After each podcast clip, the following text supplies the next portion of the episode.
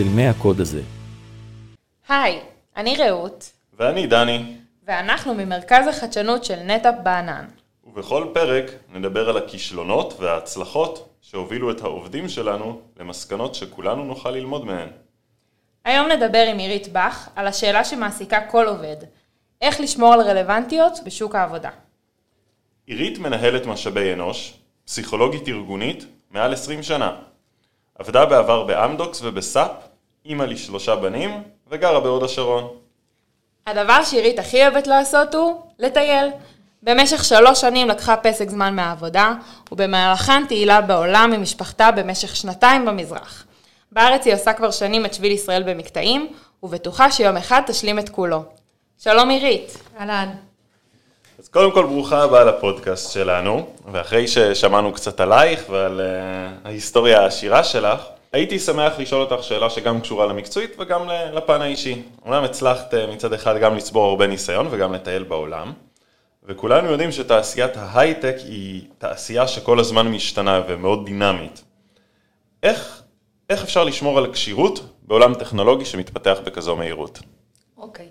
אז uh, כמו שאתה אומר, זה נכון, זה עולם שהוא כל הזמן מתפתח, ואם אנחנו נסתכל אחורה חמש, עשר, עשרים שנה, זה אי אפשר להאמין בכלל איך עבדנו ומה עשינו ועד כמה אולי לא ידענו לעשות uh, דברים.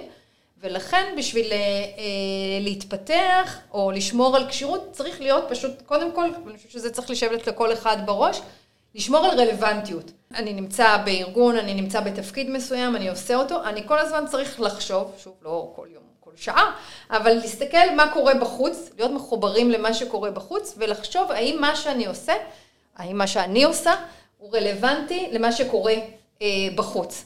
זה אומר שאם משתנות טכנולוגיות, האם גם אני בתוך הארגון, והאם הארגון שלי עובר את זה, אם יש כלים חדשים, האם אני מודע להם, האם יש... אה, שיטות עבודה שהן אה, אחרות, אם יש דמויות שהן מובילות אה, ואני יודע לעקוב אחריהן וכולי, כל הזמן זה תמיד לראות מה קורה בחוץ ולראות איך זה מתחבר לעבודה שלי. מגניב, אני באמת יכולה לספר שצ'אט GPT יצא בתור כותבת תוכן ויוצרת תוכן, התגובה הראשונית שלי הייתה בהלה, כי זה באמת נראה כמו איזה כלי שיכול לגמרי להחליף אותי. אה, וברגע שהתעשתתי, הבנתי שהחוכמה הגדולה היא לא להיבהל שנכנסות טכנולוגיות חדשות, אלא להפך, ללמוד לאמץ אותן ולהשתמש בהן אה, לטובתנו. אני מסכימה לגמרי. אני חושבת שהרבה דברים שהם שינויים שהם קורים כזה בבת אחת, יש הרבה דברים שהם שינויים שהם קורים בצורה הדרגתית. אה, אני יודעת, אפילו אני אקח את השינוי שפתאום עולה לי סביב הקורונה, פתאום שנדרשנו לעבור הביתה. אז כל אחד נדרש למיומנות אחרות. וכמובן מצד אחד יש את השאלה של איך זה בארגונים עצמם, סומכים, לא סומכים וזה, אני שמה את זה דווקא בצד, אני אומרת רגע, אנחנו כעובדים, נדרשנו לעבוד אחרת. אה, ואני באמת חושבת שזה שדרג את כל אחד מאיתנו, גם ברמת העצמאות, גם ביכולת שלי לעבוד לבד, לדעת למקסם אחר כך את העבודה שלי בצוות, היכולת שלי ללמוד, זאת אומרת, אני חושבת שזה פתח המון המון דברים, וזה קרה ביום אחד, זה ברגע הראשון נראה מבהיל, ובסוף זה באמת הופך להיות איזה משהו מעולה, אם אנחנו יודעים לאמץ ולהסתגל למציאות המשתנה הזו. לגמרי. אז איזה טיפים את יכולה לתת לעובדים אה, כדי שיוכלו לפתח את עצמם במקום העבודה? אני חושבת שבכלל נושא של פיתוח אישי זה נושא שכאילו מצד אחד מובן מאליו, כמו שאמרתי קודם, הוא קורה כל הזמן, וביחד עם זאת זה נושא ש... הרבה פעמים יש איזו פנטזיה, פיתוח, יקרה איזה מין כזה, מין וואו כזה אה, וכולי. אני חושבת שבכלל בכל העולם של פיתוח אישי יש תפקיד למנהל של כל אחד מאיתנו, יש תפקיד לארגון, אבל בעיקר התפקיד הוא אצלי. והרבה פעמים כשאני אולי בתחילת הקריירה שלי, אני לא יודע מה זה אומר פיתוח אישי, ואני כאילו מאוד שם הרבה על המנהל, הוא ידאג לי, או הארגון, הוא צריך לקדם או לעשות דברים. ואני חושבת שהטיפ המרכזי הוא להבין שזה בידיים שלי ובאחריות שלי, ואני צריכה לקחת את זה קדימה, ויש הרבה איך לקחת את זה קדימה. אבל קודם כל זה עניין של אחריות אישית. אני יכולה להגיד שבנושא של פיתוח אישי, שאני באמת עסוקה בו הרבה מאוד שנים, זה המסר העיקרי שלי תמיד הוא לעובדים, הוא קחו אחריות הארגון ידע לתמוך בכם, המנהלים שלכם ידעו לתמוך בכם ברגע שאתם יודעים שאתם מעוניינים. אז קודם כל אני מאוד רוצה להסכים עם האמרה שלך שפיתוח אישי ולכן האחריות היא אישית גם כן, אבל בכל זאת הייתי רוצה לשמוע על העובדים שרוצים לפתח את עצמם, איזה, איזה מגוון של כלים ואפשרויות מוצאים בנטאפ לפיתוח אישי. אני מחלקת את זה לאיזה מין שני buckets. אה, bucket אחד הוא באמת תוכניות שאנחנו עושים, ופעילויות, ו, אה, ומגוון, ואני יכולה תכף לתת איזה דוגמה אחת אה, ספציפית. ושתיים, יש משהו שהוא התרבות של זה, אוקיי? ואנחנו, התרבות הוא לא פחות חשוב, ההמשגה של הדברים לא, היא לא פחות חשובה. אז אחד מהדברים שאנחנו התחלנו באמת ליישם כבר לפני כמה שנים זה לתת אה, יותר אה, פומביות לנושא של אה, מעברים בין תפקידים. מישהו בתוך הקבוצה, בתוך הקבוצה שלנו בתוך נטאפ, אבל הוא עובר תפקיד, הוא עובר מפיתוח, הוא עבר מ marketing ל product marketing, אם הוא עבר מתפקידים שהם customer facing לצוותים של ה digital sales וכולי, ובאמת יש לנו מגוון של מעברים כאלו. אנחנו אה, חוגגים את זה.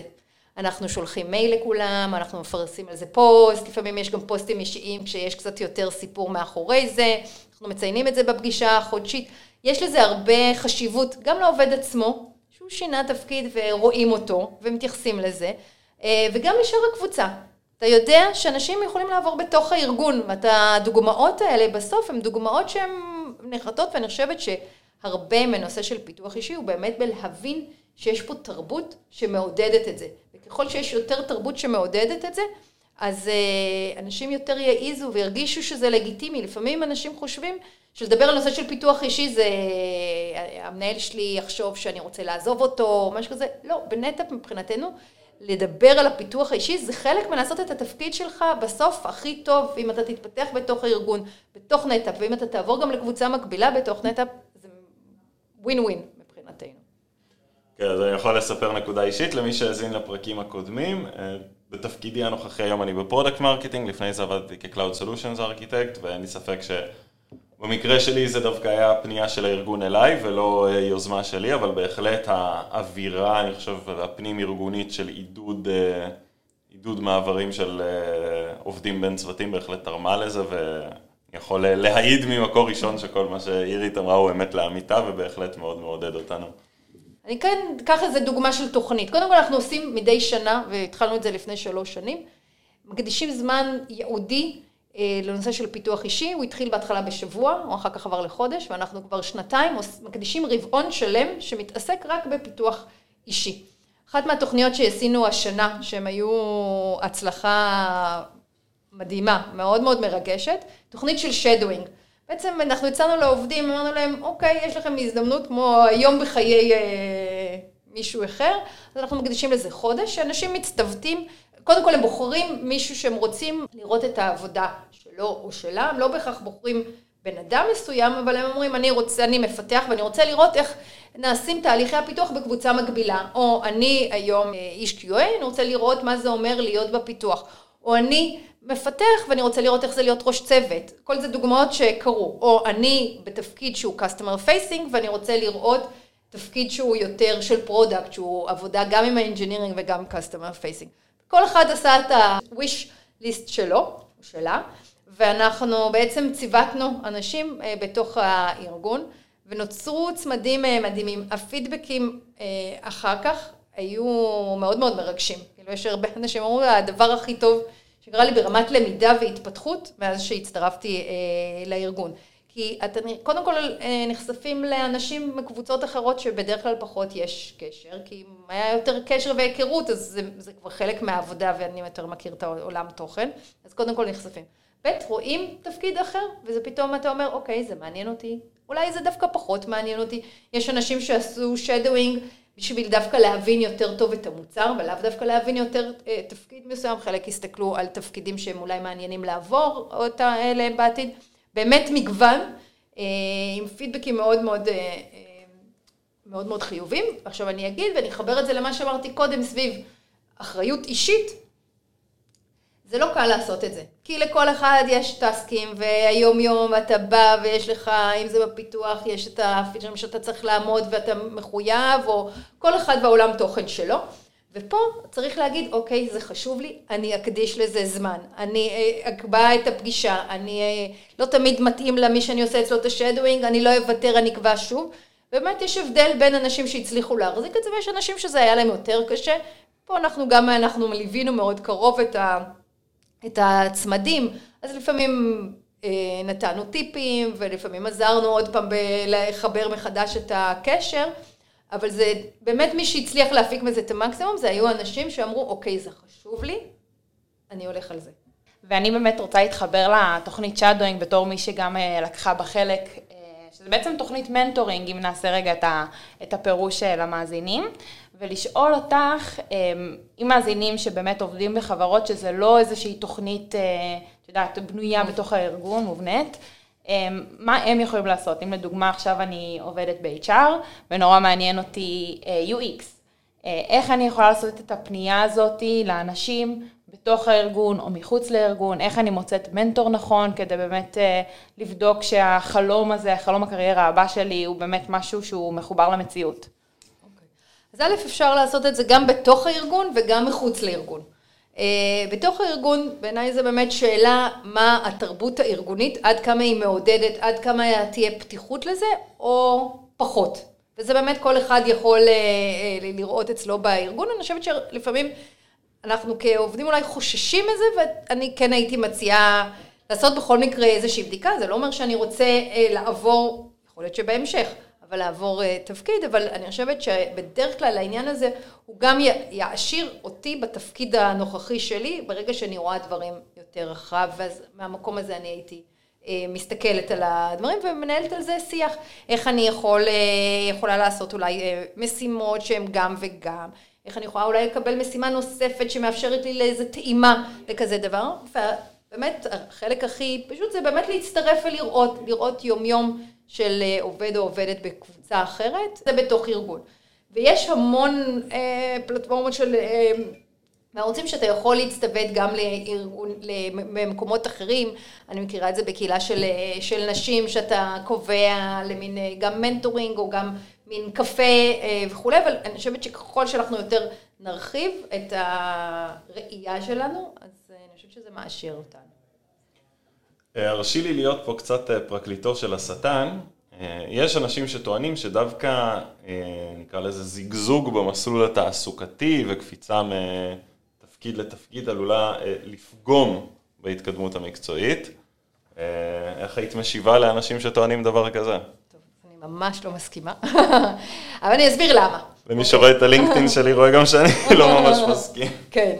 אבל אני חושבת, א', שזו תפיסה שהיא, שהיא יותר שמרנית והיא גם מיושנת. אני חושבת שבעבר כן, כמו שאנשים היו בעבר באותו ארגון, לצורך העניין עד הפנסיה, אז גם, אז גם זה. זאת אומרת, אתה צריך לעבור, כאילו להתקדם באיזשהו מסלול אחד. ואני חושבת שקודם כל, אנחנו יודעים שנות הקריירה רק אה, רבות יותר לעומת פעם, ואנשים עושים שינויי קריירה, אפילו אני אומרת רגע דרמטיים ויכולים אה, לגמרי להצליח. אני חושבת שהמחשבה, כן, אם אני רגע לא רק אה, כותלת אותה, אני אומרת, הרבה פעמים חושבים שהמעברים הם לא מאפשרים לעשות העמקה מקצועית. כי אם הייתי, לא יודעת מה, מפתחת, ועכשיו אני עוברת להיות ב product, אחר כך אני אחזור לפיתוח, אני כבר איבדתי את הרלוונטיות, אני פחות אדע, אני פחות אהיה מקצועית. ואני חושבת, וזה באמת התפיסה שלנו ב NetApp, כאילו בגלל זה אנחנו כל כך מעודדים את הניודים הפנימיים ומעברים בין קבוצות, היא שאני חושבת שאנחנו באים לעשות תפקיד, אחרי שעשינו מעבר שהוא רוחבי, אנחנו נעשה את התפקיד בצורה הרבה יותר מעמיקה, כי אנחנו רואים רחב יותר. אני חושבת שבסוף כל אחד, ככל שאתה מעמיק, אתה גם, הראייה שלך היא יותר מצומצמת, זאת אומרת, היא, יותר, היא פחות רוחבית, היא יותר לעומק, נכון? ויש לזה יתרון. מעבר רוחבי, הוא פותח לנו. אני, אם אני עכשיו אה, אה, עושה תפקיד של product, אחרי שהייתי קודם בתפקיד של customer facing, אני אתייחס אחרת לצרכים של הלקוחות. אם אני עכשיו איש אה, QA שעברתי לפיתוח, אני אכיר את המוצר הרבה יותר טוב. והרבה יותר בצורה מעמיקה אחרי אותה למידה. אז אני באמת חושבת שזה נותן בסוף אה, ראייה והבנה רחבה שמאפשרת לי יותר גם להעמיק. אז אנחנו, באמת, אני אומרת, בנדע מאוד תומכים במעברים האלו. היום שההיצע במשק כל כך גדול, במיוחד עבור אה, תפקידי פיתוח, אה, מה בעינייך היתרון בהישארות בארגון לאורך זמן? אז אני אגיד שלא בהכרח זה יתרון, אוקיי? יש ארגונים ויש תפקידים שאני חושבת שזה חיסרון. אם אה, אני הייתי בארגון מסוים, לא יודעת מה, 30 שנה לצורך העניין, אוקיי?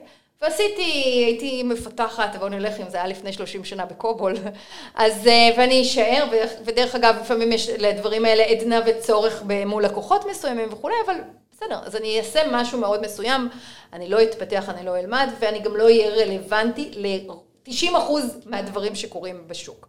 אבל אם אני נמצאת לאורך זמן בארגון, ובתוך הארגון אני מתפתחת, וההתפתחות היא יכולה להיות בכמה אה, בעצם אה, מסלולים. יכולה להיות התפתחות שהיא היותר אה, היא במסלול הניהולי, שבעבר לפחות אנשים חשבו שזה בעיקר מה שיש להתפתח. אוקיי? זו אפשרות אחת. אבל אם אני גם עושה התפתחות רוחבית, שהיא או לקבוצות ולתפקידים אחרים, או גם באותו התפקיד אבל לצוותים אחרים, ומתוך זה אני אתנסה.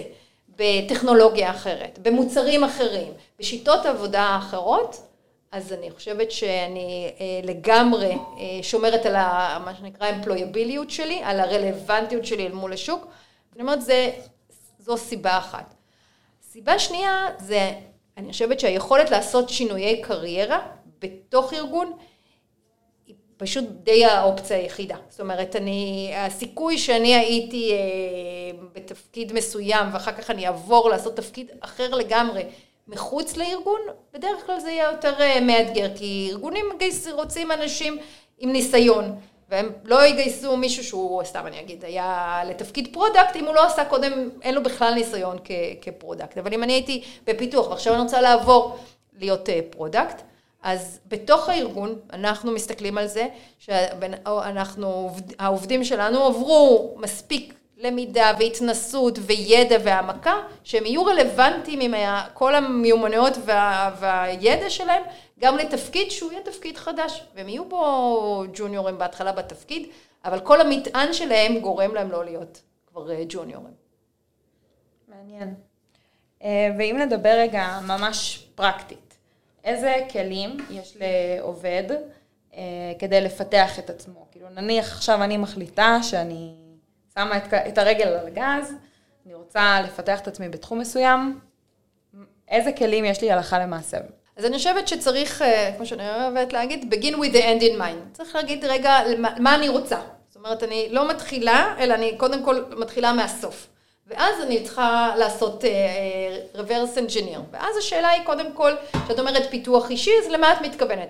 האם את רוצה להיות יותר מומחית בתחום שלך? האם את רוצה להיות מישהו שיותר מובילה? האם את רוצה לעשות מעבר לתפקיד אחר? אוקיי?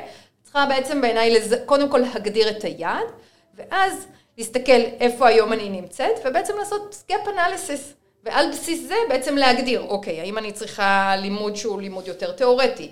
האם אני צריכה תהליכים שיותר של מנטורינג באיך אני עושה דברים מסוימים?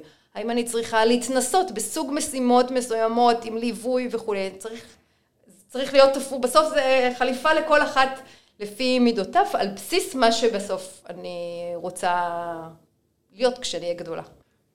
כשמועמד אה, מתראיין או מתעניין במקום עבודה, כיצד היית ממליצה לו לבדוק מה, מה גישת הארגון לפיתוח אישי? אז אה, אני חושבת שיש כמה דרכים להסתכל על זה. קודם כל, אני בגדול תמיד חושבת שמישהו שנמצא בתהליך בארגון, אם הוא יכול למצוא אנשים שנמצאים בתוך הארגון שהוא מכיר, או מכיר אפילו מעגל שני או שלישי, הייתי מראיינת אותם היטב על עוד הרבה נושאים אחרים, זה לגמרי אחד מהנושאים שהייתי שואלת קצת, מה זה אומר פיתוח אישי אצלכם בארגון? מה אתה למדת בשנה האחרונה, איך אתה למדת את אה, זה, מה הטכנולוגיות שאתם עובדים, האם שיניתם טכנולוגיות, אה, האם יש נושא של ניוד אה, פנימי בתוך הארגון. אז יש כל מיני דברים שהם כל אחד כבר לפי מה שחשוב לו, אבל אפשר לשאול את השאלות האלה. דבר שני זה כל מקום יש לו את האתר שלו. בואו תסתכלו באתר, מה מופיע באתר, מה החברה אה, מפרסמת, האם היא רק מפרסמת אה, ארטיקים וקרטיבים, או גם מדברת על נושא של פיתוח אישי, ואיך אפשר לעשות את זה וכולי. אז אה, זה דבר נוסף שהייתי בודקת. ועוד דבר שהייתי מסתכלת, אתם נמצאים בתהליך, יש לכם אנשים שמראיינים אתכם. תשאלו אותם, מה הרקע שלהם, כאילו, בארגון. אני יכולה להגיד שאצלנו למשל בארגון, שהוא ארגון שצמח, הקבוצה בנטאפ אה, צמחה מאוד בשלוש-ארבע שנים האחרונות, אנחנו 90 אחוז מהמשרות שנפתחו, שהן משרות ניהוליות, הם אוישו על ידי אנשים בתוך הארגון. זאת אומרת שאנשים בתוך הארגון עברו, ואם אמרתי קודם, יש כל מיני אפשרויות, אחת מהן זה באמת להתקדם במסלול הניהולי, אז כן, אז אנשים שאתם מראיינים, תשאלו אותם, כאילו, כמה זמן הם נמצאים בתפקיד, הם עשו תפקידים אחרים, דברים שהם לומדו, שינו ברמת שוב הטכנולוגיה וכולי, ואני חושבת שלהסתכל על אנשים שנמצאים לאורך הזמן, אה, ואנחנו רואים, ואפשר לראות שהם עשו גם שינויים בתוך הארגון, זה לגמרי אינדיקציה. וואו, זה נתון מטורף. עירית, תודה רבה שהצטרפת אלינו לפודקאסט. בכיף, תודה לכם. תודה לכם שהאזנתם להסכת של מרכז החדשנות של נטאפ בענן. ניתן להאזין לנו בכל אפליקציות ההסכתים. נתראה בפרק הבא.